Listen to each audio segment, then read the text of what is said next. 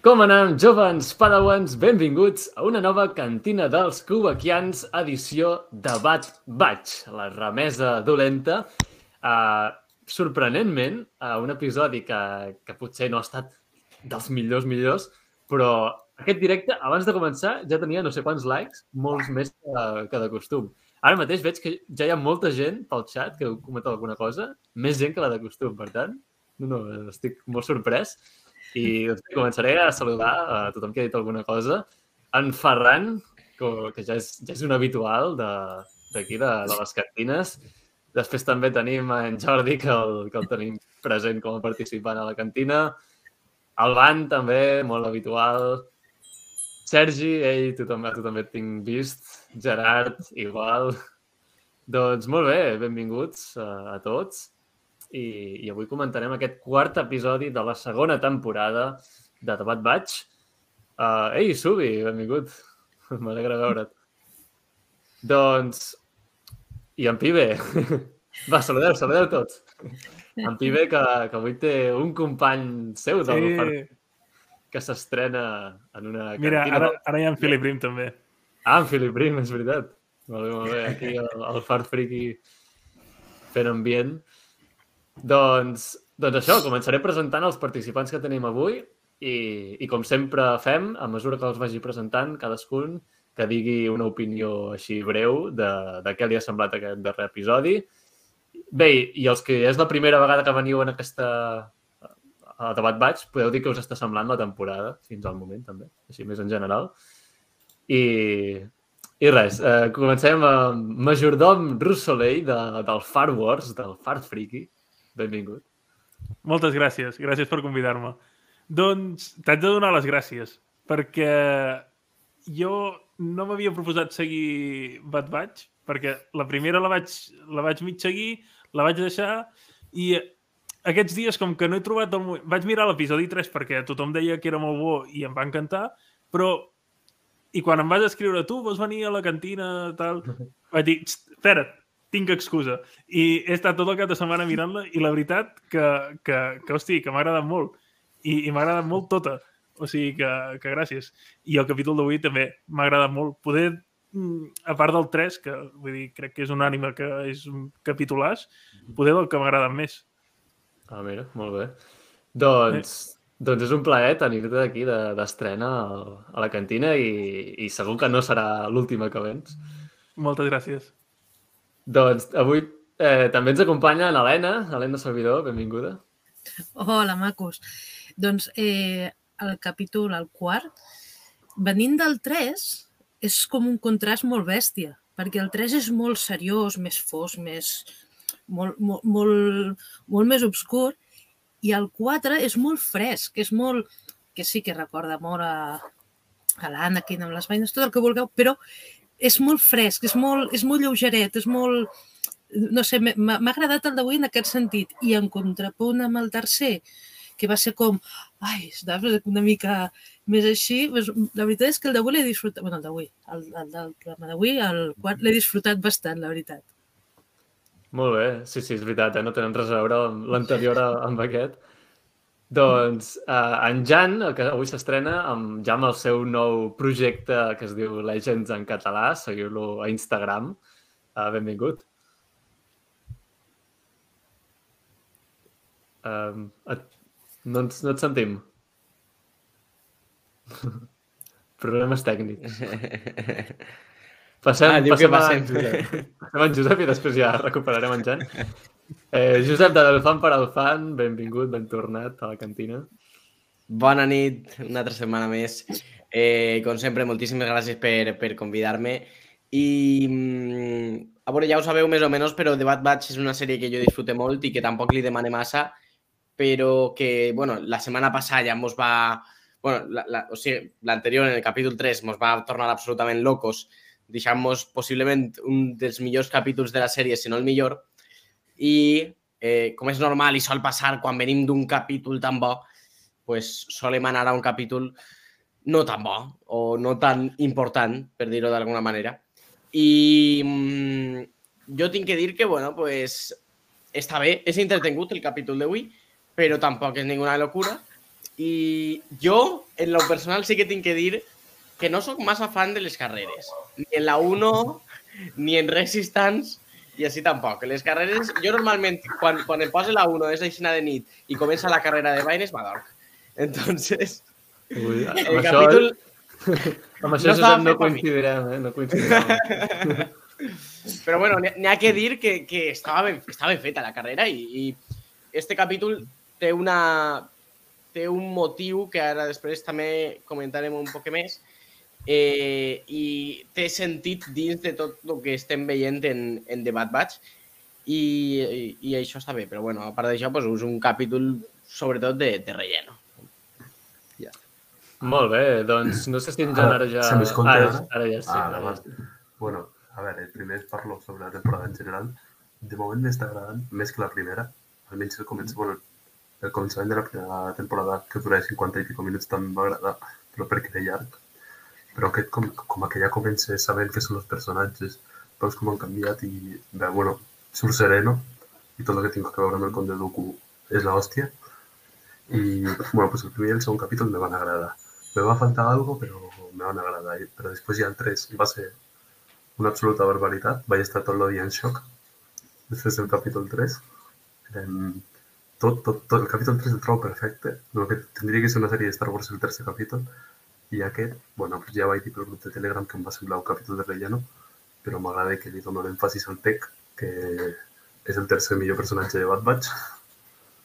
I lo de les carreres, tothom ha parlat molt de l'episodi 1, perquè sí, vale, se- s'inspira en l'episodi 1, però a mi m'ha recordat més al Kotor, a les carreres del Kotor Ah. 1 i 2. Mira, veus? Sí, sí, sí. He tret aquesta foto, veus veu bé, més o menys, Uh -huh. aquí a baix, perquè la forma de la nau m'ha recordat moltíssim més naus del Kotor i com se podia disparar tenint escuts i tot això m'ha recordat més això.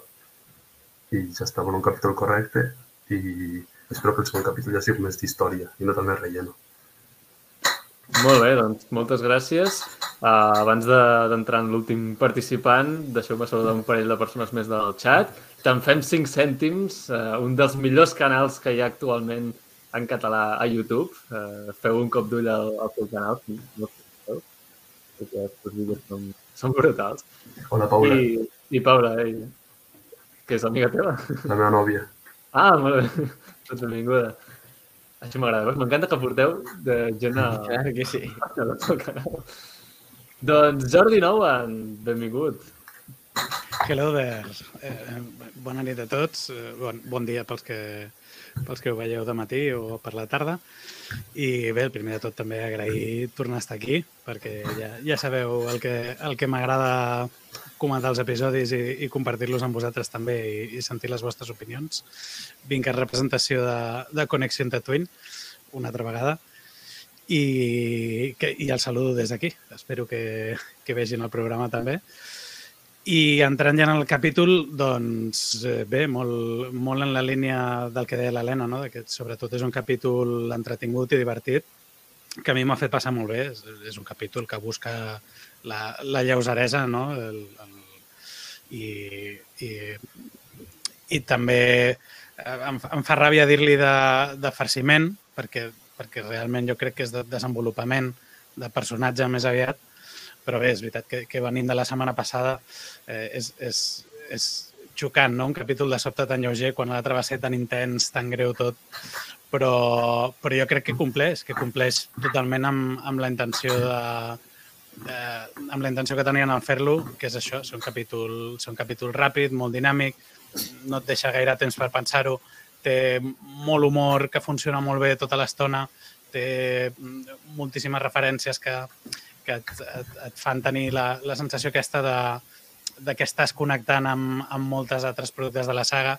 O sigui que jo estic molt content, evidentment no, no és el capítol de la setmana passada, però crec que sí que és bastant superior a molts de la temporada anterior, que això ja, eh, ja, ja, és, un, ja, ja és un valor que, que té tota aquesta segona temporada que crec que tots els capítols que hem vist estan en un nivell superior del que havíem vist en la primera. La primera és evident que tenia alguns moments brutals, però crec que en aquesta no han fallat el tiro. Jo, jo crec que és difícil avorrir-se amb aquests quatre capítols que hem vist. Molt bé, doncs moltes gràcies, Jordi. Uh, salutacions també a altres cubaquians que venen pel xat, com és en Cesc Pedrós, en Martí Foix i Martí. arriben pel tard, no et preocupis, no, no gaire. Encara no hem començat a desgranar el capítol, tot just hem fet la, les valoracions generals. Bé, falta la meva, encara ara la diré.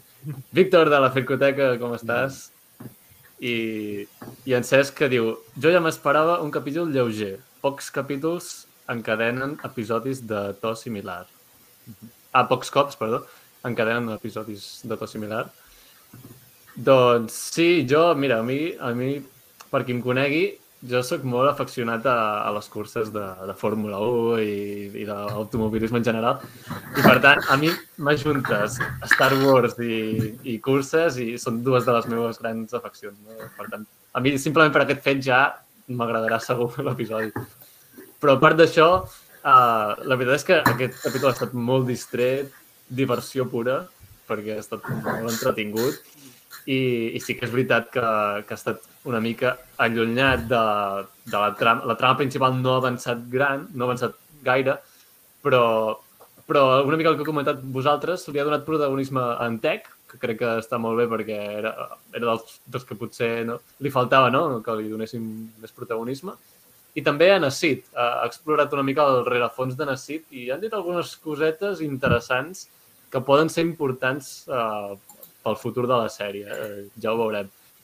I clar, i a mi tampoc em sorprèn de trobar-me episodis com aquest, perquè clar, és una temporada de 16 episodis i és evident que no tots els episodis poden ser com, com l'anterior que vam tenir. És que és impossible. Però, però bé, al, al final els capítols aquests tan grans són tan grans gràcies a, a, tota, a, tota, a tots aquests altres episodis de farciment. No? Star Wars Rebels, agafem un dels millors episodis de Rebels i per si sol no seria tant si no fos per tota la resta que, que l'acompanyen. No? Però, però bé, dit això, ara sí que és hora de començar a, a parlar més detalladament del capítol. També hem tingut aquests dies tràiler de, de Mandalorian. En parlarem al final del directe breument. Eh, no, la cantina és de debat baix, però com que hem tingut coses importants, també també comentarem cosetes. Però bé, sobre el capítol. Um, comença uh, amb en Wrecker, uh, en Omega i en Tech en el bar de Nassit, allà una mica perdent el temps. Els veiem jugant al, al Dejaric.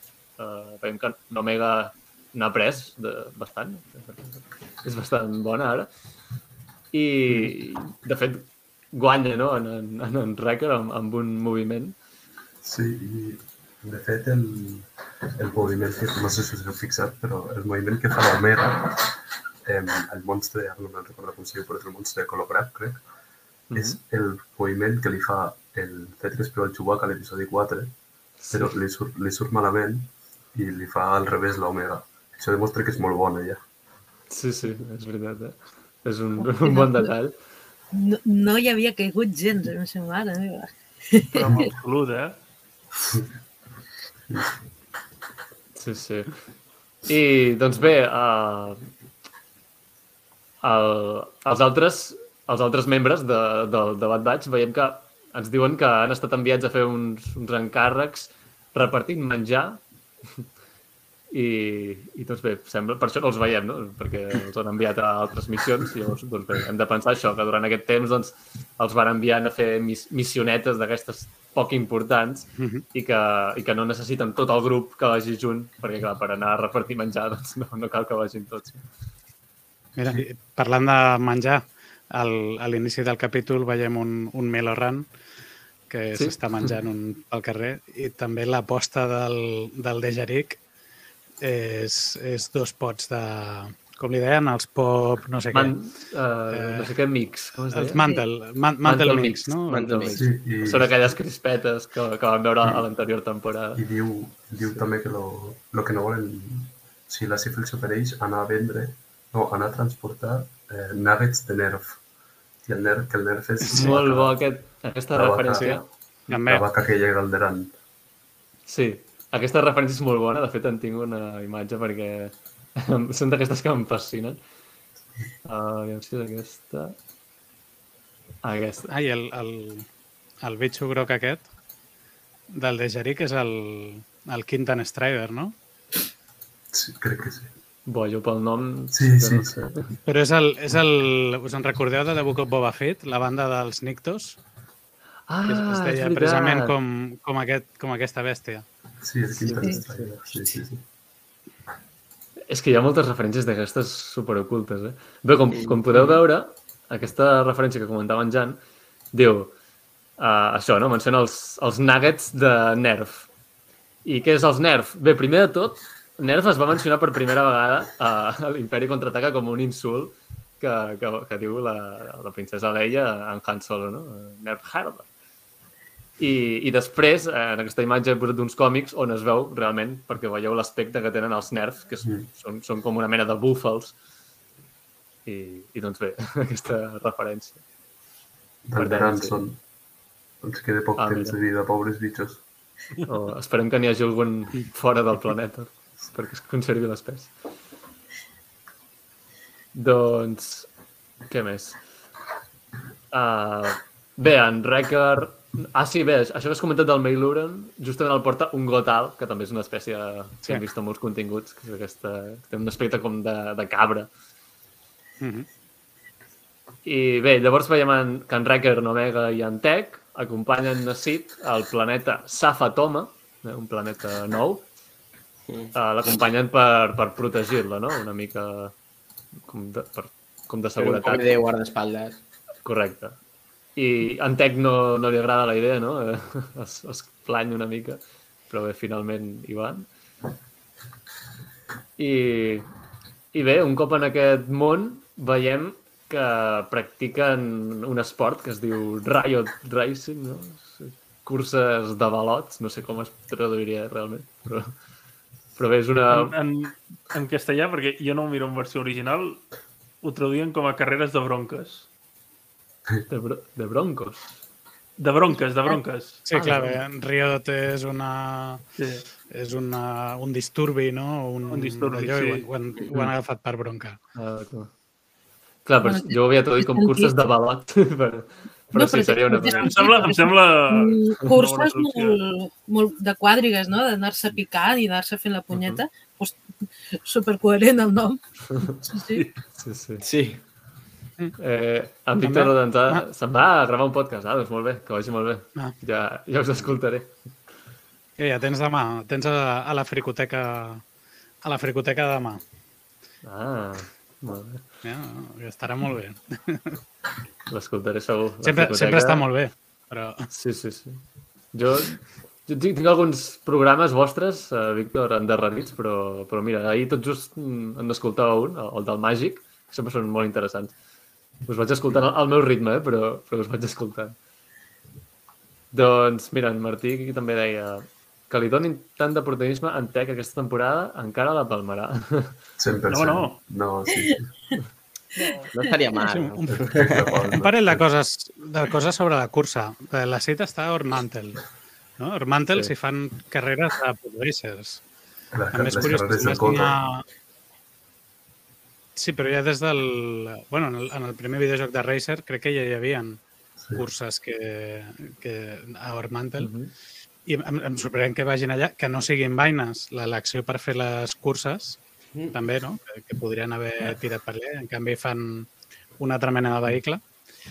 I, i aquest planeta que, que a mi no em sona, eh? no sé si hi havia alguna referència anterior al, al Safatom aquest, oi que no? no, no. A mi no em de res, No, no. tampoc. No. És nou, és és curiós que podrien haver fet la, la, la clàssica d'Ormantel o, o alguna així, Sí. i, i en canvi han, han optat per, per això, per inventar-se una altra cursa a un altre planeta. M'ha semblat, m'ha semblat curiós.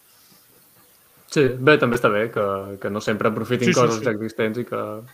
Home, han de donar alguna nou, perquè si fos literalment les carreres de vaines tipus Anakin, Clar, seria massa còpia.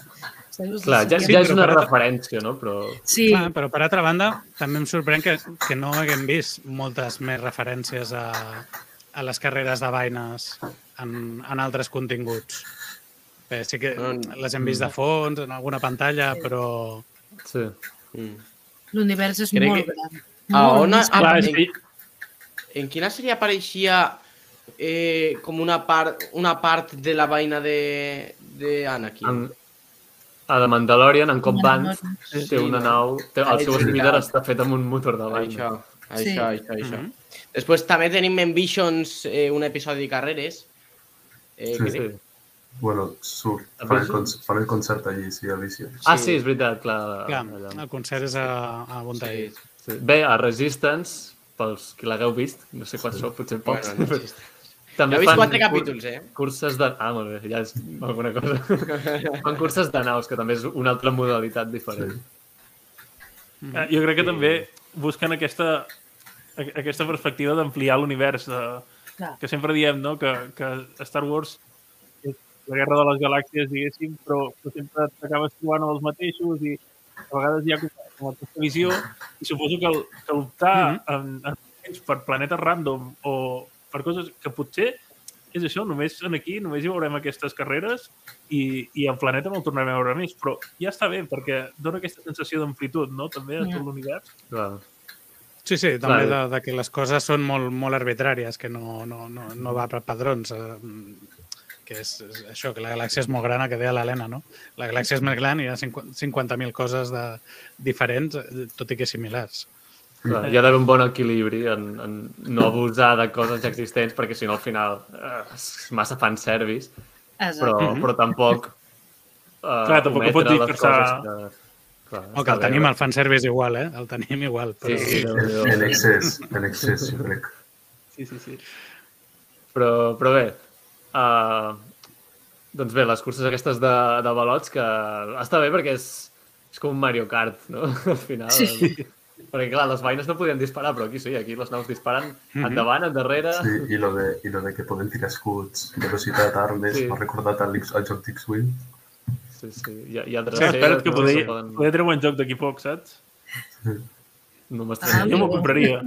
Sí, jo també. És que fa l'efecte que aquesta, la cursa de l'episodi 4 és com una versió més eh, decadent o, o més, més eh, bruta, o o és que no sé com dir-ne, no? Més, més salvatge de lo millor les de vaines que són com una mica més estàndards, més boniques, més posadetes. I la de la de l'episodi 4 és més, més salvatge, més, ala, vinga. Mm. També el, el rotllo, que si les apostes, que si tal, que t'envio aquest, que te voy a partir les piernas, que si... Saps? El rotllo és com més brut, no? Més, més subterfugi. Llavors, ja té aquesta cosa, no? Que siguin curses que es pot disparar, que es pot... Eh, més brutet, més, més baix. Sí. No sé Home, clar, les, A més, en, en Millegui envia... A, a, o sigui, els seus pilots a, són, són espècies vives, diguéssim, són éssers vius.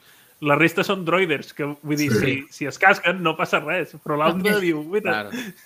si, si no Claro. passa res... Però, bueno, en la 1 també teníem ixa... Eh, es, eren brutes perquè es, di- no es disparaven, però sí que feien... disparaven els. Els Sí, els. No, bueno, sí, però sí que s'enganxaven entre les naus i Sí. sí. intentaven fer trampes, però crec que no estava permès com a tal eh, fer mal a les altres vaines. Així sí. Clar. I Clar, això que, que es feia igual, però, Clar. però d'amagat, no? Diguem. Clar, no, no traien una serra de repente. Clar, clar. Sí, el Segur va fer els fogonassos aquests, però Sí. era cosa del motor, no? Que era com més dissimulat. Aquí no, aquí està ja preparat per, per atacar o, o defensar-se. Directament, sí, sí. Però, doncs sí, molt bé. I bé, eh, sobre aquest capítol també, eh, ai, sobre aquest, sobre aquest moment de la cursa, entre el públic també volia dir que, que hi ha espècies conegudes. O sigui, a vegades que han enfocat al públic sempre he dit, ah, mira, hi, hi ha un, uns Biz, que són els músics de la cantina, i, i altres Sí. espècies no, conegudes. Sí, a Si poseu pausa. Pandorans o... sí, hi ha un pantorat. Sí, ja em Pandora. Sí, sí. Mhm. Hi ha, hi ha una cosa Això- molt, bueno, hi ha una cosa molt, molt interessant que, que és un, no sé si ho diràs, igual, igual l'estic adelantant, no crec. És un, un personatge que surt de fondo de relleno, que surt com eh, 10 vegades durant tot el capítol, eh, que és eh, sí, el disseny d'ell està basat en la figura original del pont de baba, quan el pont de baba encara seria Hombre Morsa. Sí, sí. No, sí, Amb, amb, amb els colors de, de la Sí. figura. Sí, sí. I aquest- aquí. Aquest ja l'havíem vist A The A Clone Wars, sí, havíem vist. i, i a debat vaig a res. Sempre el veiem de, de fons. Sí, sí. Tam també està guai que la persona esta que amenaça a Sid és d'una espècie que ja havien conegut que és del, de l'inquisidor que està en Fallen Order, que Sí. crec que és, és, són Dou, Doutwin, crec que es pronuncia el nom. I- El tinc, tinc la imatge. Ah, vale, vale. I És- no és la primera volta... Bueno, el veiem en Fallen Order ahir també, i en la 7. Exacte. I, El, I el despertar de la força. es sent de la mateixa manera el capítol. Són grans, eh? Me cago. Sí, pot ser. Sí. Imposen, sí, sí, si te'n trobes. Dóna més, més impressió encara en, en la imatge de la 7, eh? Sí, Sí, és que el de, Clar. és que el de la 7 és molt, és molt bèstia. És és l'original, no? Aquesta Ah, espècie va ser creada Sí. per al despertar de la força. Sí, I... sí, però va sortir abans en un altre contingut. Va sortir abans Ah, en sí? un, en un videojoc de mòbil.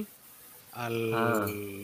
Em sembla que vaig llegir 2014. O sigui, un any abans, segurament fent servir ja materials d'episodi 7 Clar. i ja hi havia un personatge, no sé si era Star Wars Conquest, És el- una cosa així, no, no Sí, el Conquest, el que era de, el que era de Mhm. naus, aquest era de, era com el, el heavy de la resistència, que és una metralladora. Mhm. Sí, però, però està clar que l'origen és en el d'episodi 7 i en el, en el Lego Star Wars també és un, un personatge enorme, de, el, el segon més gran, diria, després del, del Rancor, que també és un, un dels meus favorits de portar. El ser tan gran pot fer moltes coses que els altres no. No, no, és Molt que fins i tot en Breaker se- s'empetiteix al seu, al seu costat. Sí, No, Sí, sí, clar. És, que- és, S'han de pensar dos cops eh, abans de plantar cara. és que li treu, li treu una omega. Sí, Sí, sí. Doncs bé, uh, veiem que Nassit patrocina un pilot, que és un droide, que es diu Teyo, i bé, aquest personatge li posa veu en Ben Schwartz, que, per qui no ho sàpiga, és un dels, dels qui va crear uh, la veu d'en BB-8, de les seqüeles, i també és conegut per haver participat a la comèdia de Parks and Recreation, que és una, bé, això, una comèdia d'acció real i, i l'actor aquest eh, té un, un personatge. I també és la veu del Sonic, Ah, ostres. És la veu del Sonic, també. del Sonic, sí. Ah, doncs no sabia, ara estic veient Parks and Recreation i, i abans pensava, qui deu ser, qui deu ser que li posa la veu? Ostres, que guai. Entenc que la del Sonic és el, el darrer film aquest que han tret no fa gaire, entenc, eh? Uh -huh. Però no, no Sí, perquè imagino que les sèries és el, el doblador que, que acostuma a posar-li la veu ja des de fa anys en els videojocs, excepte els últims, potser. Clar. Doncs, doncs bé, aquest personatge és... té una personalitat curiosa, no? Eh, molt egocèntrica. és... És No un. És com que Sí, agraeixes cada cop que li foten un... se'l carreguen. És com que en el fons ho, ho estàs agraint. sí. Sí, sí, però, però també mola, eh, perquè dona el toc d'humor. I Sí. a mi em, Sí, sí, em està fa molt bé, moltíssima està gràcia cada vegada que interactua amb en Tec. Perquè, Les picabaralles que té Mantec, clar, són, Clar, és que aquí hi ha tenen una- ideals molt diferents, no? Sí. Els seus bueno, mètodes és, són és, molt... sí, però és que aquí hi ha una cosa molt guapa, que és que... I, i en realitat ho lliga també amb el que van dir en, en l'episodi anterior, perquè quan parla en Tec amb ell, amb, amb en Teio, eh, semblen iguals, o sigui, en, en Tec sembla un droide. I, I és com aquesta que ell, comparativa fins de, de... Clar, exacte. Però llavors, ja, ja, ja en parlarem al final, però el, el que diferencia en Tech del, del droide és que ell és capaç de prendre decisions i per això, quan en un moment determinat ha de prendre decisions, ho fa diferent i per això acaba passant el que acaba passant, que ja en parlarem. Clar. Però que es veu aquesta diferència, que en, en, el, en el capítol 3 hi ha aquesta conversa entre, en, entre en, En entre en. Cody... Uh, Ah. No, no, no, a, a l'episodi 3. Episodi 3. ah. Sí. Entre en Cody i, uh, com es diu? El, el, Crosshair. el planificador. en Crosshair. I, I li diuen, clar, nosaltres no som droides perquè nosaltres tenim la, la capacitat de prendre decisions. I en aquí veritat. han donat aquest punt i m'ha agradat moltíssim. Mm, és veritat. És com un sí, sí. rerefons així xulo que ens han Que al final, a Star Wars, al final, els, els humans sempre seran superiors als droides, eh? per, molt, per, per molt ben fets que estiguin els droides. I... Sí, sí. Un poquet actualitzat a la conversació actual de les intel·ligències artifici- artificials. És veritat. I bé, coneixem aquest personatge que, que m'ha ensenyat la imatge, en Milegi, que és un rival de Nassit. I també, com a curiositat, la veu d'en Milegi aquest, d'en Greeny Milegi, és uh, Ernie Hudson, conegut per interpretar Winston Zedmore als Caçafantasmes. Sí. No, Doncs bé, és qui li posa la pues veu. fa molt bé, eh? Està molt bé Sí. la veu en anglès, el personatge. Transmet moltíssim. Sí, sí. I, I bé, en Milegi aquest esmenta per primera vegada el nom complet de Nassit, que encara el desconeixíem. uh, es diu Sidarin Skalebak. No sé. Haver Aquest és el dit el que volgués i ens ho creuríem igual, eh? també t'ho dic. Sí. Nois, una pregunta.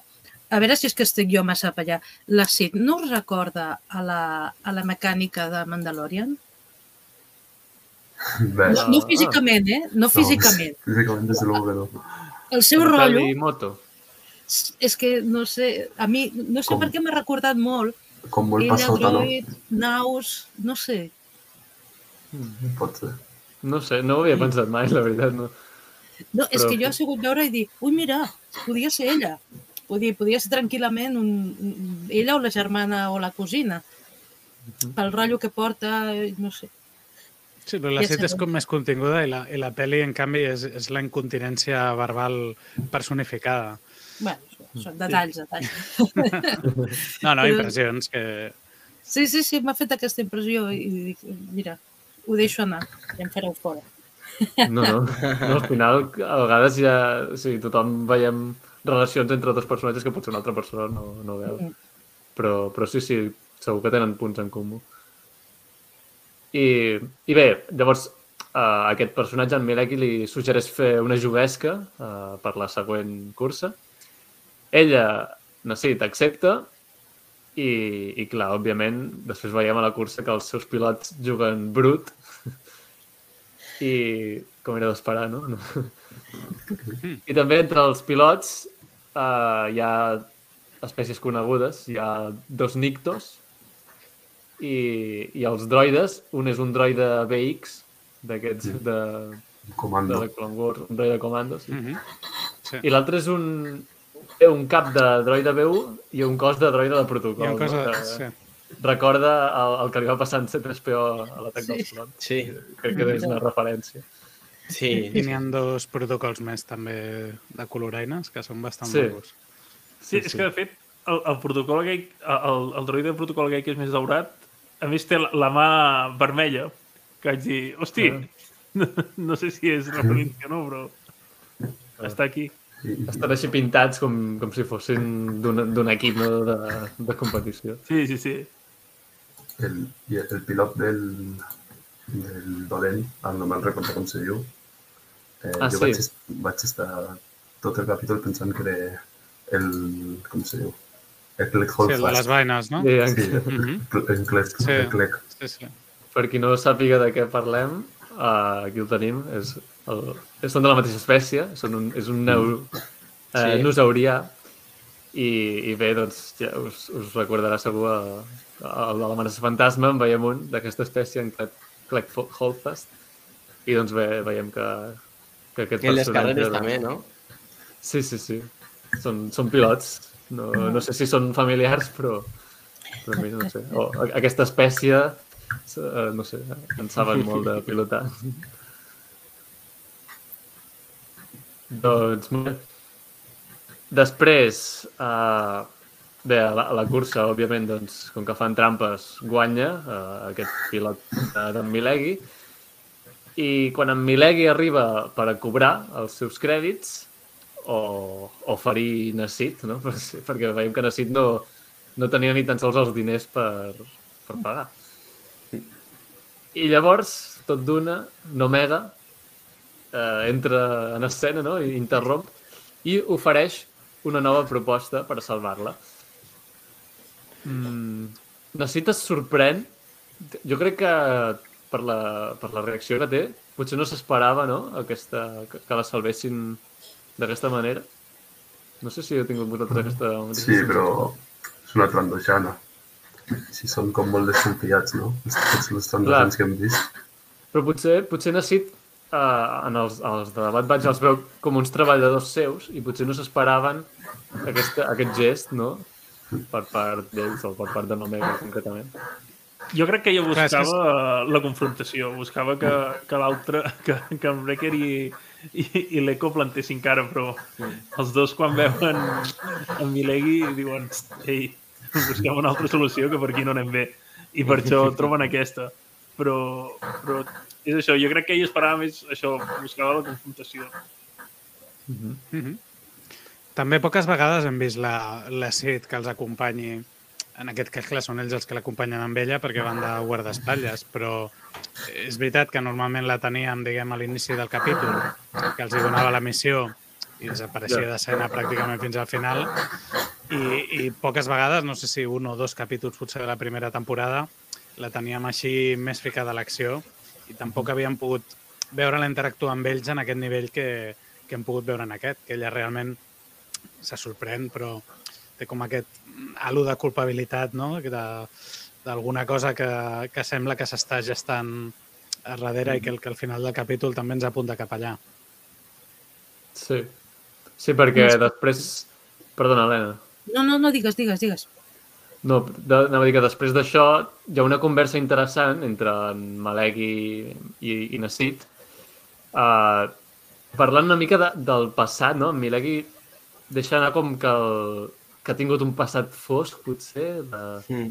de Nassit, Mhm. que, que clar, això el, la remesa dolenta no, no ho sap i no sé si, si més tard s'acabarà sabent si això pot afectar en la relació que tenen Nassit i, i, el, i el lot defectuós, no? Sí, jo crec que segur, eh? Perquè, de fet, de fet ho deixen com bastant clar i és una cosa que remarca Mhm. que diu, no, cuidado perquè no, Sí. no la coneixeu prou. L'heu conegut de Exacte, bona. això que diu al final. Sí, sí. Ah. Clar, són d'aquestes coses que, que aquest capítol pot semblar un capítol bastant irrellevant, però que després Clar, aquests detalls Sí. tindran molta importància. En Precisament eh, la- l'acte de la de, echa pa'lante, vinga, pum, no, va, fem això, doble onada. Eh, primera que com a personatge l'Omega, vull dir, l'evolució que ha fet de ser un, una mosqueta morta gairebé, perdoneu-me l'expressió, a ara, que pren iniciatives, no sé si és que està creixent o el que sigui, a mi m'ha encantat, quan és ella, i no són els adults els que salven la situació, perquè al cap i a la fi ella és una nena encara i decideix per tots. I tots diu... O sigui, no hi ha ningú adult que li digui "Ets, nena, calla, que això Mhm. ho fem els grans. No, no, punt. No, és, és, és així. I, en canvi, els hi sembla bé i els hi sembla una opció. I llavors també mm, la, ella, l'Omega, la, la forma de confiar, aquesta m'agrada molt perquè realment és molt nena. Vull dir, a vegades costa no veure caràcters de nen, però és que és molt nena, no? Els nens són molt... confien i això sortirà bé i tal. I m'agrada molt això, quan Sí, ella es aquest llança la optimisme, no? I... Sí, sí, sí. Mm. I clar, no, no estem parlant de, de perdre 10 euros, jo què sé, estem parlant de perdre la vida, Sí. potser, saps? Sí, sí. Però ella diu, doble onada, i ala, i vinga, vinga, a treballar. M'encanta, m'encanta aquesta Mhm. nena. Mm. sí. Una Doncs- crac, l'Omega. Sí, sí. Nomega encara li falta molt recorregut, eh? però pot acabar sent un gran personatge. A mi em recorda els inicis de, de Nasoka, eh? amb totes Sí. les diferències, però és que Nasoka va començar així, eh? un personatge no gaire estimat a l'inici i, i mira Sí. com ha acabat, no? Jo, de, després d'este capítol, he sentit un poc de hate cap a Omega. A mi m'encanta Omega. I, I jo crec que passa aparegut en Ahsoka, que després pues, va convertir-se en un personatge molt xulo. Sí, sí. A més, és clar, és, Jo- jo és tinc molt una- joveneta, té, pot, pot explorar-se amb molts altres continguts en el futur. Digues, Jo tinc una pregunta. Uh, bueno, els que em coneixen del Far Wars ja saben que, que a mi m'agrada lucubrar cap al futur. Vosaltres creieu que, que podríem veure Omega en, en versió adulta a, a coses que s'estan desenvolupant ara? Uh, tipus Ahsoka, tip... poder això no, eh? però altres coses que, que anem veient ara que, se, que, que es desenvolupin en aquest temps uh, perquè el fet que, que l'introdueixin així sent petita uh, que la dotin d'aquest protagonisme mm, que per una banda entenc el recurs perquè al final no deixa de ser una, una sèrie per nens i si, i si no tens un referent que és un nen eh, perds una mica aquesta, aquesta part, no? Sempre va bé tenir, tenir referents que són, que són nens. Teníem la Soca Clone Wars, que, que, que comença sent una nena, aquí tenim l'Omega, però hi ha com algú que em dóna la sensació que, ostres, no m'estranyaria veure-la, perquè, a més, el fet aquest, no?, que, que sigui com l'última descendent dels, dels Fit, no?, perquè és, és una clon, però, però no ben bé. O sigui, sí que és una clon, però és com, com que va directe de, de, des de la branca dels Fit, no? No sé. A mi m'agradaria... Seria, seria interessant el que dius, però jo crec que encara falta un, un rato perquè això passe, Mm. perquè Sí, sí, sí. igual que ha passat en Ahsoka, el públic eh, que ara mateix està creixent en Omega té que créixer en Omega per poder veure la major. Mm -hmm. Veure-la ara major Totalment. seria massa xoc. Clar. Entonces, jo crec que a lo millor dins d'uns anys sí que la podria veure en live action en, en lo que s'estiga muntant ara eh, Filoni, però de moment jo crec que no. Jo crec que a llarg plaç sí pot ser, però encara no. Eh, Això sí, eh, en totes les coses que estan plantejant en el Filoniverse em costa molt veure-ho perquè no sabria enquadrar-ho, però segur que Filoni treballa esto. Jo, dins, jo, Sí, sí. dins de la meva teoria de, de que ho estan encaminant tot, tot per a fer un, un Herederos de l'Imperi, és la meva teoria, jo crec que sí que, eh, igual amb aquesta temporada no, però la següent jo crec que tot el Bad Batch morirà per a salvar l'Omega i que, i que després ja el, el mega crossover que faran entre totes les sèries que el dolent jo crec que serà el Throne, jo crec que sí que podríem arribar a veure l'Omega de gran ajut treballant amb el Rex o amb la Soca o, o hasta amb el Boba Fett. És que el punt dramàtic de Star Wars, ara que has dit això de sacrifici, està sempre. No, no, el I sempre hi ha sacrificis un per un altre, sempre, eh? Tenim aquest puntet, la llagrimeta, i seria un, un, un personatge, la- l'Omega, si passés això, que, que se sacrifiquessin per ella, això ja és futurible, eh? tindria un motiu per fer alguna cosa, vull dir, seria un, motiu per, per, per crear una història al seu voltant, eh? Mira, ara, ara mira, ara miraré l'Omega amb, més, amb, amb millors ulls. Potser... És que això, no, no sé si Omega o, o Bad Batch en general, però jo crec que, que la sèrie està feta ja per, per ser una cosa que ens vulgui dir alguna de cares al futur. Més que res perquè al final t'estan introduint una altra sèrie que t'explica una altra vegada el que passa entre la pel·li 3 i la pel·li 4. En aquí, lo interessant és que t'ho estan explicant des del punt de vista dels clones. I t'estan estan desenvolupant totes les trames, no? Ara estem veient com, com hi ha tota aquesta substitució dels clones per persones i estem, estem en aquest punt, no? Llavors, Sí. jo crec que això donarà coses de cara al, al, al futur, que és això que diu en, en Josep, eh? que, que s'ha de consolidar encara tota aquesta moguda, Sí. però jo crec, Jo crec que està encara li- a- Sí.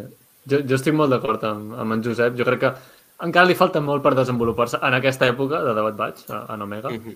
però estic convençut també que, que al final l'acabarem veient a, a, a l'època futura, a, en temps de, de Mandalorian i, i tot el sobre, filònivers.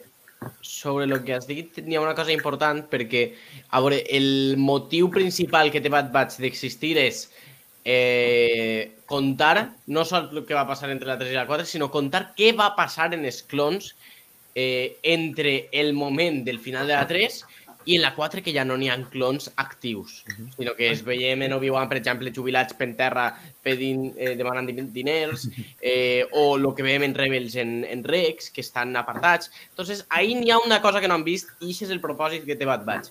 Però jo crec que també té un altre propòsit de, de contar alguna cosa que vol fer l'imperi en la clonació, segurament relacionat amb Mandalorian, perquè el, el guionista de, de Bad Batch li van preguntar sobre aquesta possible relació del final de la primera temporada de la clonació en lo que estan fent en Mandalorian i ha dit, res és casualitat.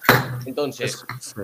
I Herederos de l'Imperi. És que sobre això no hi ha cap dubte perquè és que la, la, la, la senyora aquella la científica tenia la mateixa vestimenta que el Claro, científic de la Mandalorian. És que no pot ser. Sí, sí, sí. És evident Total. que aquí hi ha una connexió. claro, Sí, claro, claro. En tot, en tot això que hem dit, sobretot lo de l'Helena, jo crec que el final ideal per a Bad Batch seria que sacrifiquessin per l'Omega No. i lluitant contra el, contra el Delta Squad. A mi em faria molta il·lusió veure a, a Hunter en live action en Temora Morrison. Eh? Hosti, hosti. No, no. Ja. Tot l'equip a la volta seria a lo millor un peliu difícil. Sí. Però que moren, que moren contra, el, contra el Delta, jo crec que és el millor que poden fer. Sí? El Delta vol dir que pot amb ells? Sí, sí, sí, Són molt sí, batbats, sí. eh? Batbats. El, però el Delta és molt Delta, eh? El Delta s'enfrenta al Grius, eh? Doncs bé, eh, tornant una mica al, al capítol, eh, veiem que en Tec està emprenyat perquè eh, per, pel fet que hagin hagut de, de salvar a Sid, no? Eh, no? No tan sols en aquesta ocasió, sinó en altres vegades, no? Però, però bé, accepta la idea de, de n'Omega i, i tira avant. Uh, llavors, reparen el droide, uh, en Teio, perquè l'havien destruït uh, en la cursa, però immediatament és atropellat i, i, i novament destruït. I que aquest moment també, el, aquest capítol té alguns moments d'humor una mica negre. Un és aquest moment de, la- de l'atropellament sí. aquest. I, i l'altre és, hi ha un moment que disparen, durant la cursa, disparen a un espectador. Sí, que es miren allà i acaben veient el que, la, el que li ha fet el forat. És- aplaudint. No sé, és un humor així una mica... Diuen. A més, fa gràcia perquè el, el, arreglen en, en, en Antello i el tio s'oblida completament de que hagi pogut perdre una cursa. Li és igual, o sigui, parla, parla amb en Tec i li, i li diu, no, sí, tranquil, si ho tinc tot controlat, si jo només guanyo curses. Bueno, perquè hi ha aquí també com un, com un contrast molt bèstia de, dels orgulls, no? Del, de l'orgull de- d'Antello, que és, que és eh, pur orgull, i en canvi el, el Tec eh, sembla que, que és totalment aliè. Al final, eh, sorprenentment, fa un gest quan, quan la gent el, el, el vitoreja, però clar, és Sí, sí, sí. raríssim. El Tec veient, veient aquest gest d'orgull és, uh, uh, però s'ha aixecat una mà per saludar, no?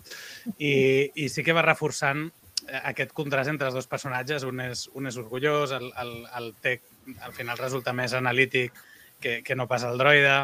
Eh, el, el, el joc que va fer entre els dos és molt divertit. Sí. I... És que, de fet, en, en Tec no deixa de representar el, el prodigui d'aquest... Uh, aquesta imatge que a vegades és idealitzada de, dels Asperger, no? Uh, i, I jo crec que, que té, té molt de tret en Tec. És, que- és que és això. I, i en aquí veiem, no? En, en el moment, és això que dius tu, Jordi, que quan el vitoregen, quan, quan li tiren flors, quan... Ostres, el tio diu...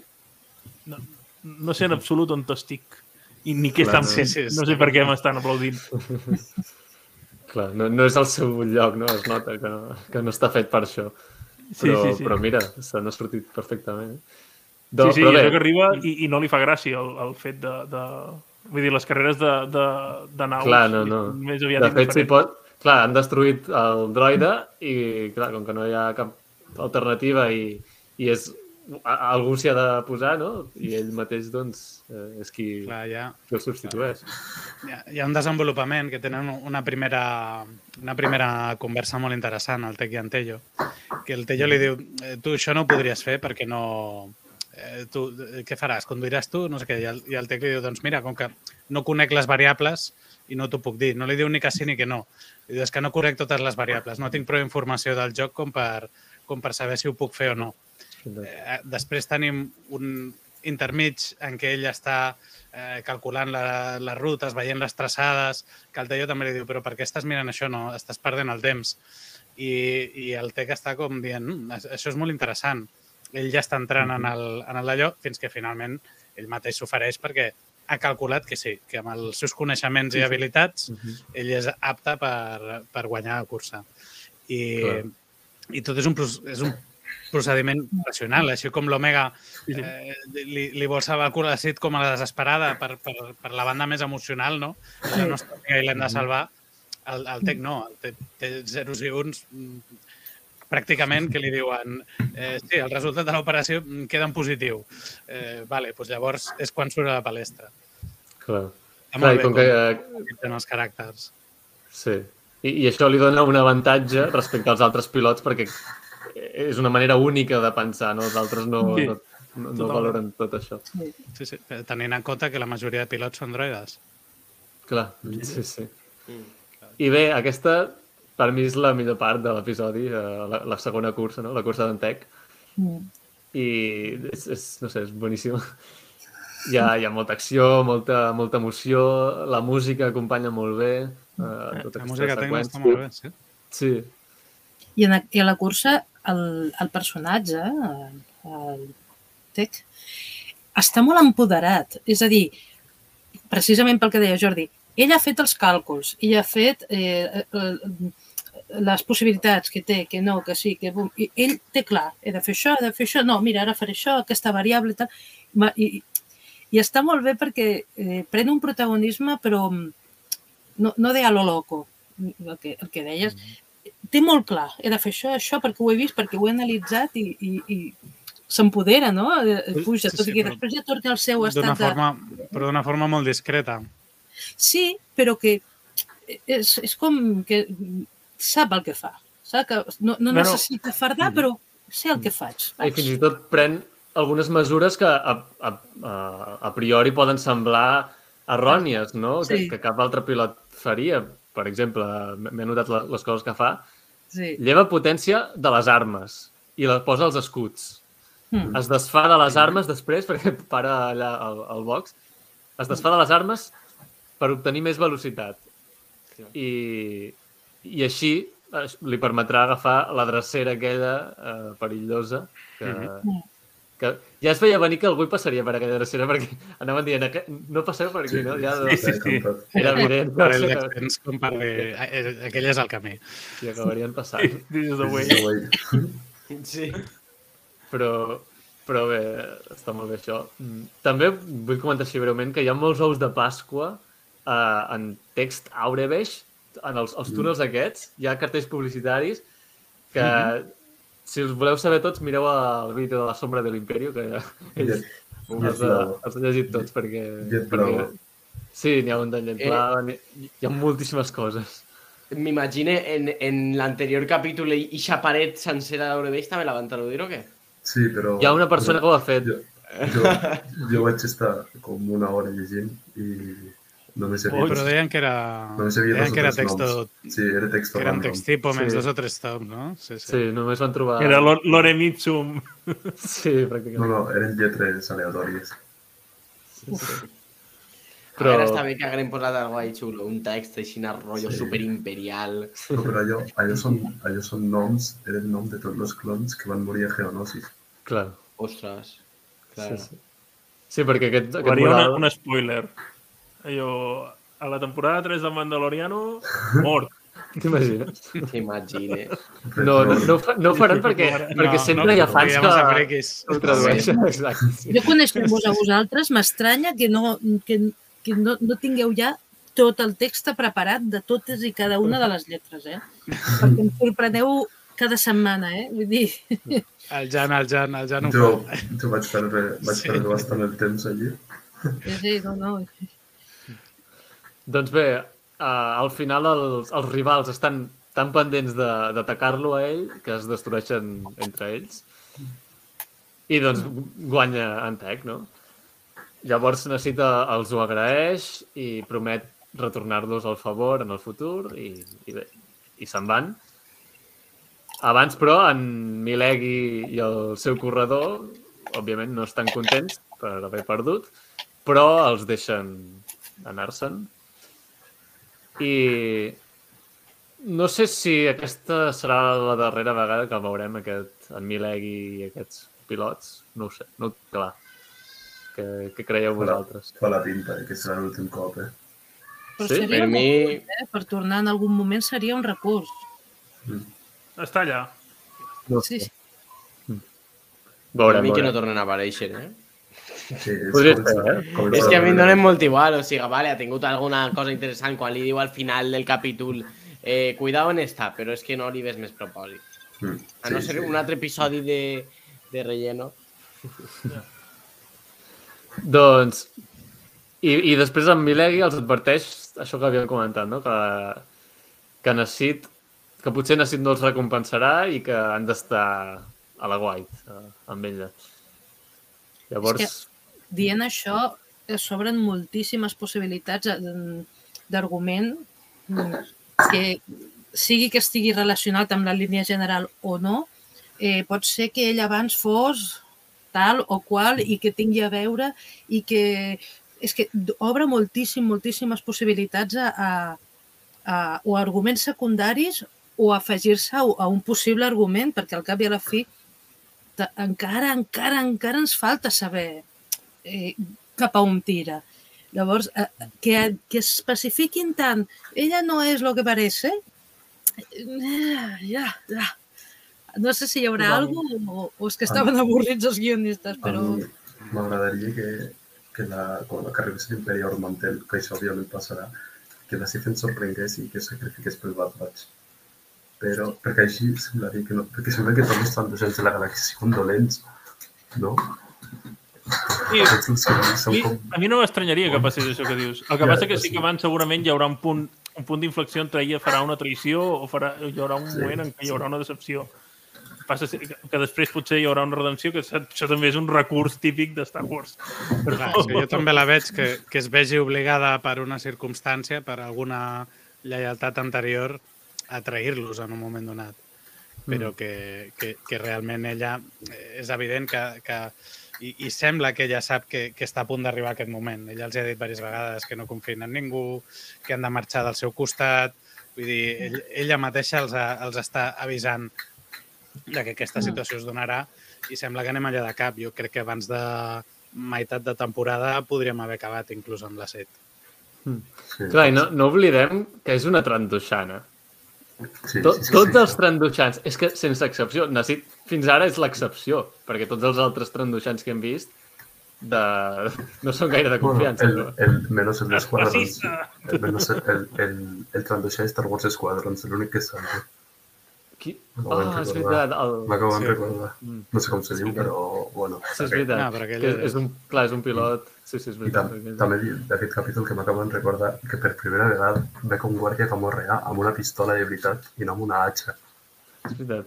No, perquè Sí, sí, és veritat. no sé què els hi passava, que els hi donaven destrals, que semblava que no poguessin servir una pistola, els pobres homes.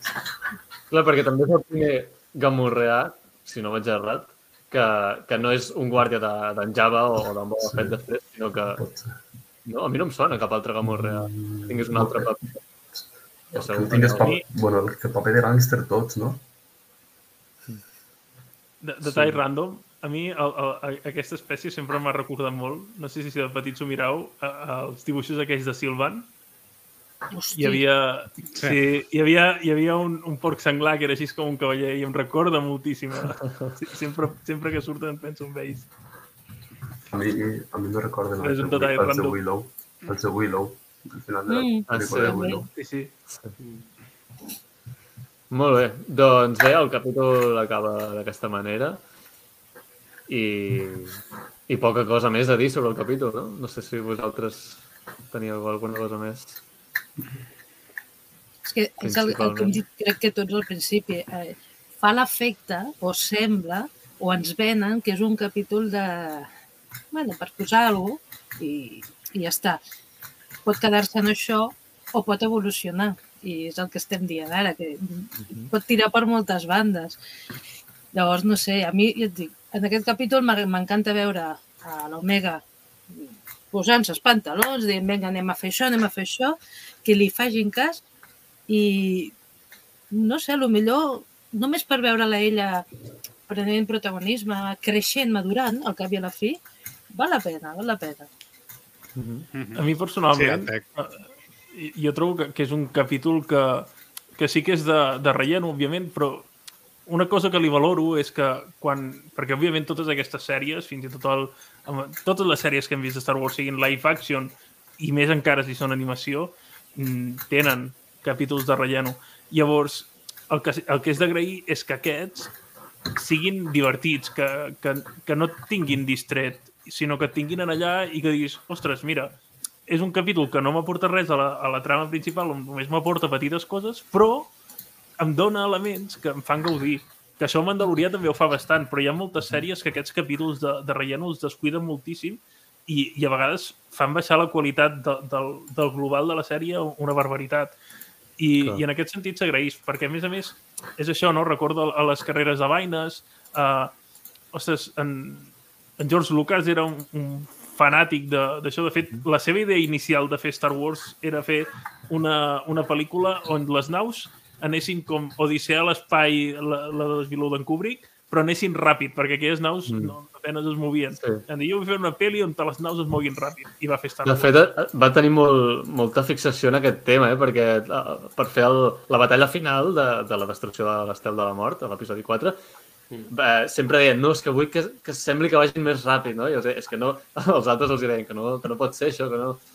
Sí, sí, i va, i va posar molts esforços perquè es donés aquesta sensació de velocitat que al final va aconseguir, Sí, va sí. aconseguir com, com podem veure. Bé, ja havia que- fet American Graffiti, que també és una pel·lícula que passa pràcticament Sí. sí. tot amb els personatges a dins d'un cotxe a un altre, amb curses... És que ell, ell, com a persona, és molt afeccionat a, a l'automobilisme. De fet, ell, de jove, volia ser pilot. El que passa és que va tenir un accident Sí. i, i això, clar, li va impedir fer això. Però, clar, el, el, gust per, per l'afició sempre li ha, li ha romangut, no? Mm. Menys, menys mal que va tenir l'accident i que va poder gràcies, Star Wars. Parma, eh? Clar, no, Déu. no tindríem Star Wars, sinó. Potser tindríem un campió de la Fórmula 1, però no, però no de Star Wars.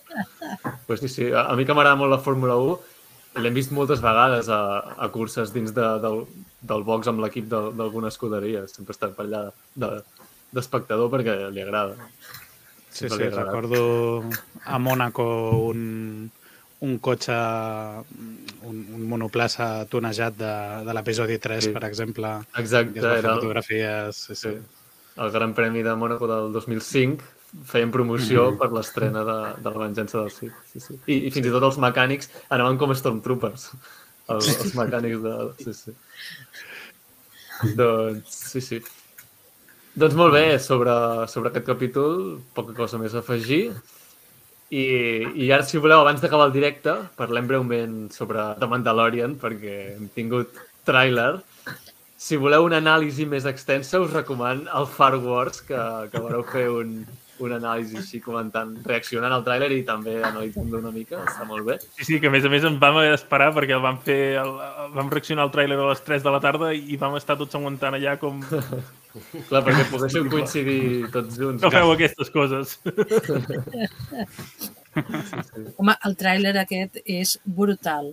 Vull dir, eh, el, els que ja som fans de, de, de la sèrie de Mandalorian, jo crec que, que ja només amb el tràiler ja és més encara. Vull dir, és un personatge que l'han sapigut fer tan bé, tan, tan, tan bé, i, i, i o sigui, jo és que jo crec que de totes les sèries actuals, Mandalorian és la que més m'agrada. I, I estic enamorada fins a la mèdula de, de, de, de, del Grogu. Vull dir, eh, em sembla un personatge brutal i en aquesta tercera donarà guerreta, eh? Ja es veu el tràiler que diu ara, ara domino jo els meus poders i tal. Vull dir, jo, jo estic però amb candeletes esperant la tercera. Hasta la meva filla té prohibit veure un capítol sense ella, eh? Vull dir, és dur, és dur això, però sí, sí, sí. I bé, eh, també, a part del tràiler, darrerament hem tingut la confirmació dels directors sí. d'aquesta tercera temporada, que és una imatge que ara us compartiré per comentar-la una mica. Sí, en, en el moment del tràiler que surten els, els interceptors, dureza, eh? Aquell moment del tràiler m'han vingut moltes ganes de veure la sèrie només per allò, eh? Poder veure un interceptor. Eh, hi ha molts moments, eh? Amb CGI d'avui. Ja- Un tall, un tall interceptor amb CGI d'avui en dia, déu nhi eh? El que Clar. pot ser. Doncs bé, aquests són els directors confirmats. Uh, Lee Isaac... N'hi ha alguns de nous, n'hi ha alguns que repeteixen, com podeu veure. Lee Isaac Chang, de- és nou. A part de Filoni Fabro, suposo.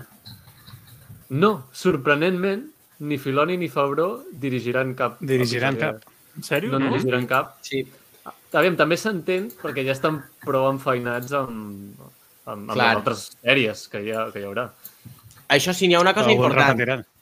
Mm, Sí que escriu en capítols, o sea, John Favreau escriu la majoria Mhm. de capítols, un altre crec que l'escriu Trek Famuchiwa i dos capítols els escriu Sí, eh, Filoni. Dave, Filoni. Dave Filoni. Entonces, Sí. Mhm. Ixa, ixes coses especials que sempre ens deixa Filoni no van a faltar, dic jo, en, en Clar, clar, esta clar. tercera temporada. A més, penseu que la- la- l'aparició de Luke Skywalker en, en la segona temporada de Mandalorian no estava dirigida per Filoni, sinó era per Peyton Reed. Entonces, ta- Sí, tampoc... sí, sí, tant. No, no, sí, no. És, és curiós que no hi vulguin posar mà, més que no pas... eh, A veure, el, el, el, em sembla el, el primer de la segona que va dirigir el Favreau em sembla absolutament brutal i el, inclús més complicat que el del Filoni, però bé, l'últim capítol també està molt bé, evidentment, i té el, i té el moment d'aquest que, que evidentment els showrunners poden tenir molt més pes que els directors en una sèrie. Claro. I, i a més, n'hi ha una cosa important, també, per llevar-se faena i no tindre que estar sempre en el set, director executiu de la sèrie és Rick Famuyiwa, també junt a Dave Filoni John Favreau. Entonces, y antes sí que Dave Filoni o Favreau tenien que estar sempre en el set, uno dels dos, per lo menos per controlar tot i que encara que estiguen altres dirigint, poder mm, controlar i de, de la mateixa manera que va ser, per exemple, Taika Waititi que va dir eh, menos mal que em van agarrar eh, de les cames perquè si no me n'anava volant en els meus xistes en el meu capítol. Entonces, mm, sempre volen estar més o menys ahí controlant i qui ha controlat més en esta temporada i jo que haurà sigut Rick Famuyiwa en el set perquè tot Mhm. que es fa saber. Mhm. De I fet, home, ha tingut- gravava a soca. De fet, clar, hi haurà eh, vuit episodis i aquí tenim Sis eh, directors. sis directors. Sis directors. Per tant, Mhm. Eh, hi ha gent que repetirà. Molliua segur que repeteix. I jo crec que Bryce Dallas Mm. Howard... No ho sé, però a Sí? mi, Ojalà. jo Bryce Sí. Dallas Howard, a mi amb el capítol 5 de Book of Boba Fett me va guanyar el cor. Ah, Sí, espero jo, que, espero que jo estic, estic molt content que la tinguem novament. I, i Carl Weathers potser no va fer el millor capítol de tot de Mandalorian, però és que Carl Weathers és Carl Weathers i és Déu a la Terra, és a dir, que se l'ha de respectar. Sí, sí. Ui, I- no i sobre- mal, va. Bé, Bueno, és un capítol... Bé, és, Sí. sí. pot, pot ser el capítol més important de, de tot el Mandalorian de cara al futur, el que va dirigir ell. Ni que hem d'aquí ens sembli... És Clar, el, més- de, el capítol del tanc de clonació per a, Sí, i, del, sí, i, del sí. senyor, i del senyor amb pantalons eh, texans. Sí, Sí. Que, que ja, no, ja el van eliminar. Eh? que ja no hi és. I sobre els altres, sobre els noms nous, ara no sabria dir qui, però vaig llegir que un havia treballat a Black Panther. No sé si vosaltres algú els coneixeu més o no sé. Em que era, no sé si era el Peter Em, Ramsey o em el... sona Peter Rassi, però no, A mi em no sona el caic Ramsey, però, però no et puc ficar la mà al foc Sí. ni demà. Bé, no sé. I Rachel sobre- Morrison, què és, la germana de Temuera o què? No, no. La, la Eco. Que, ojo que, Ai, la Eco, l'Omega. que la, bé, les però la- sèries aquestes últimes de Disney. Eh, hi ha una quantitat de dones vull dir, al, però darrere de les càmeres, eh, que està molt bé, però que un cop estàs veient la sèrie no són... Eh, no és el toc femenino cutre, perquè la, la Ries eh, que no, que ella és molt mona, molt actriu i tal, però que, que, que, que són realment persones fans de, de, de l'univers Star Wars, saben transmetre el missatge. Ja sé que ara direu que potser no, però jo m'he fixat molt en això, en la, la sèrie de Mandalorian, eh, el Boba i tal, que hi ha molta presència femenina darrere, i, eh, femenina important darrere. Ara direu. Però no, no, eh, Star Wars està, Està deixant de, no, no, posant no només noies protagonistes femenines davant de la càmera, sinó darrere. Sí, no sí. sé, jo crec que està molt bé que facin aquestes coses des de tots els punts de vista. O sigui, mentre, mentre siguin persones competents que sàpiguen, o sigui, que la presa Howard, sisplau, és Sí. increïble el que va fer amb el Sí. capítol 5 de Book of Boba Fett i amb el capítol, no sé si és l'11 de Mandalorian o 12 el de la Bocatan, Mm. és impressionant. És que Clar, és que, o sigui, l'important jo crec que tindria que ser no el sexe, sinó com ho fas, però és que si fas alguna cosa així de bo, mare de Déu, ningú et pot criticar. Sí, sí, sí. el, el, el que hem d'agrair en molta part també és que el, aquesta temporada ha tornat a tenir un procés de gestació i de preparació bastant llarg, que és el que els, els hi va sentar molt bé a la primera i a la segona també, aquelles taules on es reunien tots els directors de capítols, posaven moltes idees en comú i, i es retroalimentaven uns als altres per fer una cosa molt, molt conjunta i uniforme, que va Mm. funcionar molt bé en la primera i en la segona.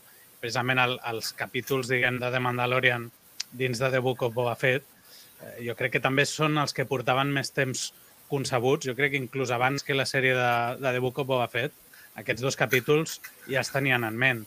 I, Mm. i després es van animar i van posar el resto de la sèrie com per vestir-los una mica mentre tenien temps de desenvolupar la tercera de Mandalorian. Jo crec Mm. que es nota perquè precisament aquells capítols eh, brillen i es noten que, que formen part d'un tot més gran i, i que no tenen les mancances potser que els hi vam anar trobant els capítols de The Book of Boba Fett de vegades que semblaven això, que tenien menys planificació, que cada capítol tenia un to molt més marcat depenent de si dirigia una persona o altra. Potser era més d'autor, no? Perquè el, el Rodríguez el, el reconeixies que estava ahí darrere les càmeres. També el reconeixes, també el reconeixes a la tragèdia, eh? Eh, També reconeixes que és el, ell el que està darrere. Sembla que terror. no és... Clar, no, no, no és a l'estil del reste de la sèrie.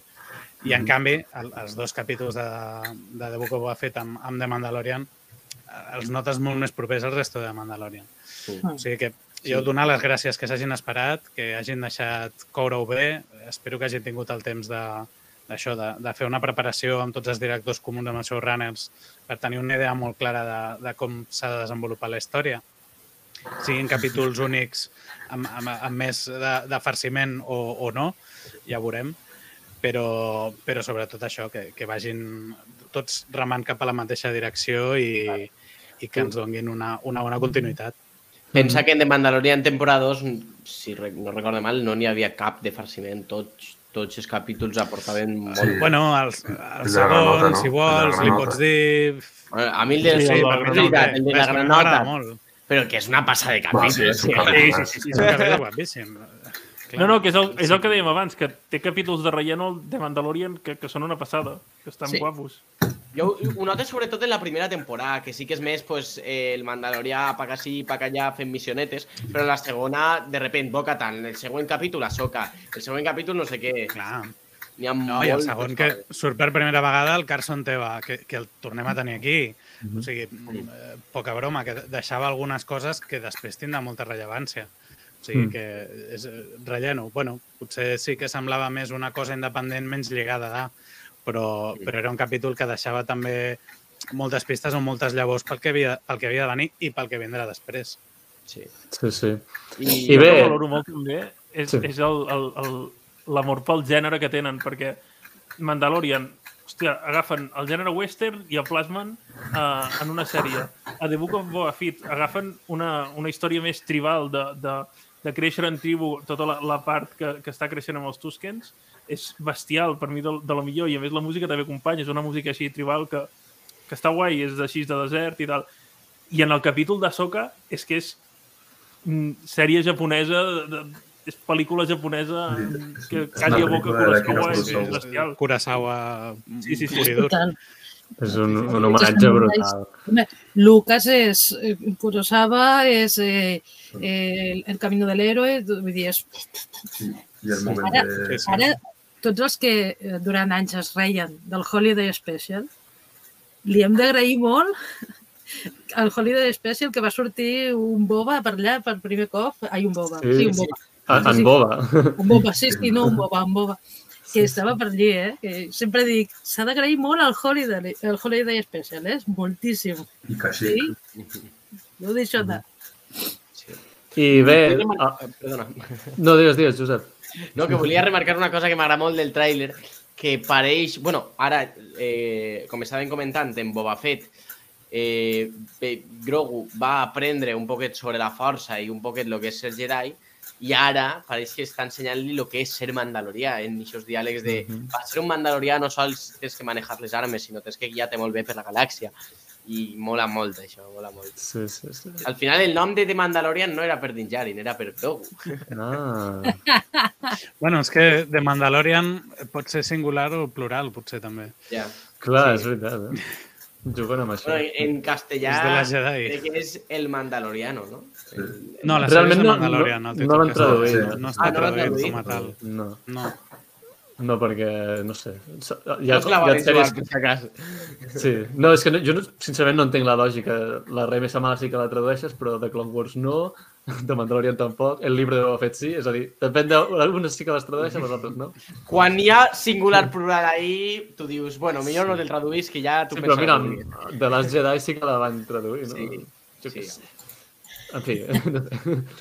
Uh, però bé, Helena, tu parlaves de directores, també tenim una novetat, i és que Steph Green dirigirà algun episodi d'Ahsoka. Qui és Steph Green? Doncs és la que va dirigir uh, el segon episodi de The Book of Boba Fett. Per tant, Jo me'n recordo quin capítol era. Què passava en el capítol, més o menys?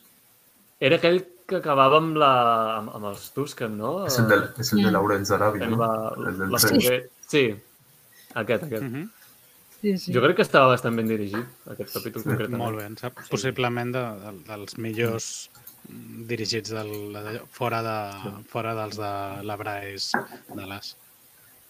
Doncs, doncs Steph Green, I aquesta directora, que, que es va estrenar amb, amb el llibre de Boba Fett, doncs repetirà amb un o més, no se sap, episodis de, de Soca.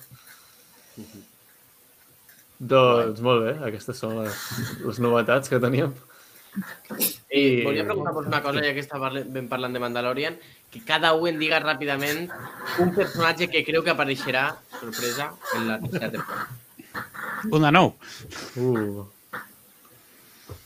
No ho sé, eh? Kyle Katarn, sisplau. Jo que sempre ho tinc claríssim, però Sisplau. a casa que fan fred. Jo, jo diré Sabine Wren, perquè sabem segur que apareixerà a Soca i tindria trellat que, que la introduïssin a The Mandalorian per connectar-ho, no? I el tronc. Vinga, jo vaig... I en Throne. Jo... Jo en Thrawn crec que no encara. Jo crec que estic ensegada, Brai. Vinga, jo la, la Leia, ja me la jugo fort, ja. Oh, bé. Home, jo sé que no sortirà, però m'encantaria veure el Yoda i Grogu junts. Ho sé que no, però és que... És que... Podria ser, podria Bueno, ser. està, di- està No, no. difícil... Bueno, No, podria però ser un pot, fantasma. Pot ser, amb un, no, amb un flashback. Oi, l'Anakin sí. també té números de sortir. Home, eh? a, a Rebels... Ah, no, clar, però Rebels encara era viu en Yoda. No, No, però, però pot tenir, pot tenir Jo, crec, jo, jo aposto pel bateig de Ben Solo. Hòstia, Ostres, seria increïble. però massa, massa no, sé, lluny, no? no sé com ho connectaria, però... però sí, sí, Amb, amb en, en Boba Fett i el Han Solo. també. Jo vaig estar tota la temporada de Boba Boba Fett eh, pensant que sortiria el Han Solo. Que sortiria, jo Sí. també, jo també. Sí, Harrison Ford l'han re, rejuvenit per Indiana Jones. Sí, Clar, que aprofitin. és qüestió de que- temps per veure un Han Solo jove, també. Jo crec que a Leia i a Han li veurem en, en live action, però crec que encara no. Crec que tocarà esperar una mica més. Herederos de l'Imperio. El crossover, sí, Sí, sí. és possible. És possible Sí. que els guardem per crossover. Doncs, ai, mira, en Albert de la Batcova ens deia, i en Rodríguez no repetirà? No. No. No, no. Potser si fan una segona temporada de Boba Fett, potser sí, però... No sé jo, no, no sé jo. No sé jo si tornarà. No ho sé, potser quan s'acostin més cap a, que la, cap a la culminació de, de, de la gran saga mandaloriana, no? El, Sí. Allò de... Mm. Jo, jo és que somio en el dia en què el Boba i el, i el Din Djarin entrin a un puesto, un cavalgant un rancor i l'altre i l'altre un mitosaure. Jo, això. Home, això és una, un, una imatge que algun dia vull veure. Però jo crec... Home, jo, que no ha dit personatge encara, jo vaig a dir que estic seguríssim, vamos, que apareixerà Boba Fett en, en la tercera temporada. Ho tinc claríssim. Claríssim, perquè ja és un personatge recurrent, apareix en la primera al seu peu, apareix en la segona un poquet més eh, ja ell, apareix, bueno, sí. Boba Fett. I, i, i Jo crec que que està claríssim. Mm? ara que té tot el cartel muntat, ajudarà al mando, al mando a la, Claro. a la, a la batalla aquella de Navarro. I, I que han vist Tatooine en el tràiler, entonces jo crec que està cantat que Boba Fett estarà per allà també. De, de fet, The Book of Boba Fett ja acaba així, no? No li diu en, en Mando que, que necessitarà la seva ajuda? Sí, sí. Mm. I que que ara, són, que ara són hermanos, no li diu? Sí, sí, sí. Bueno, s'ha d'entendre que tenen aquest vincle, però clar, el Mando tampoc, en aquests moments tampoc té un, un destí molt, molt clar en la seva ment. O sigui que tornar a Mandalor per, per, per netejar La- els seus pecats d'haver-se tret el casc. Però, Clar, en, aquí és quan... en Mando va anar a Tatooine a ajudar en Boba Fett i, per tant, és, seria lògic que li torni no, La, la, guerra, la guerra Ah. aquesta que tindrà amb la boca tant, no? Bueno, jo crec, vamos. Sí, però per això crec clar. que que és possible que se'l guardin una mica a la nevera per fer-lo tornar ja en el moment més culminant Mhm. d'aquest fil, que jo crec que, que ha de ser el, al final de Mandalorian ha de ser això, ha de ser la, el- quan, quan ell acabi sentant-se en el tro mandalorià. Espero i desitjo. Doncs Serà molt molt bé. Uh, anirem tancant el directe perquè si no s'allargarà molt Sí, i sí, aquest sí. directe és, era per, pel capítol de, de, de Bad Batch principalment. Però, però bé, ha estat bé comentar això també. I, i doncs res, uh, ens veurem diumenge que ve amb, amb el cinquè episodi de, de Bad Batch. Uh, moltíssimes gràcies, majordom Rus Soleil, Helena, uh, Jan, Josep i Jordi Nouen per haver-me acompanyat i, i comentar amb mi aquest episodi. I moltíssimes gràcies a tota la gent del chat que també ha estat comentant amb nosaltres.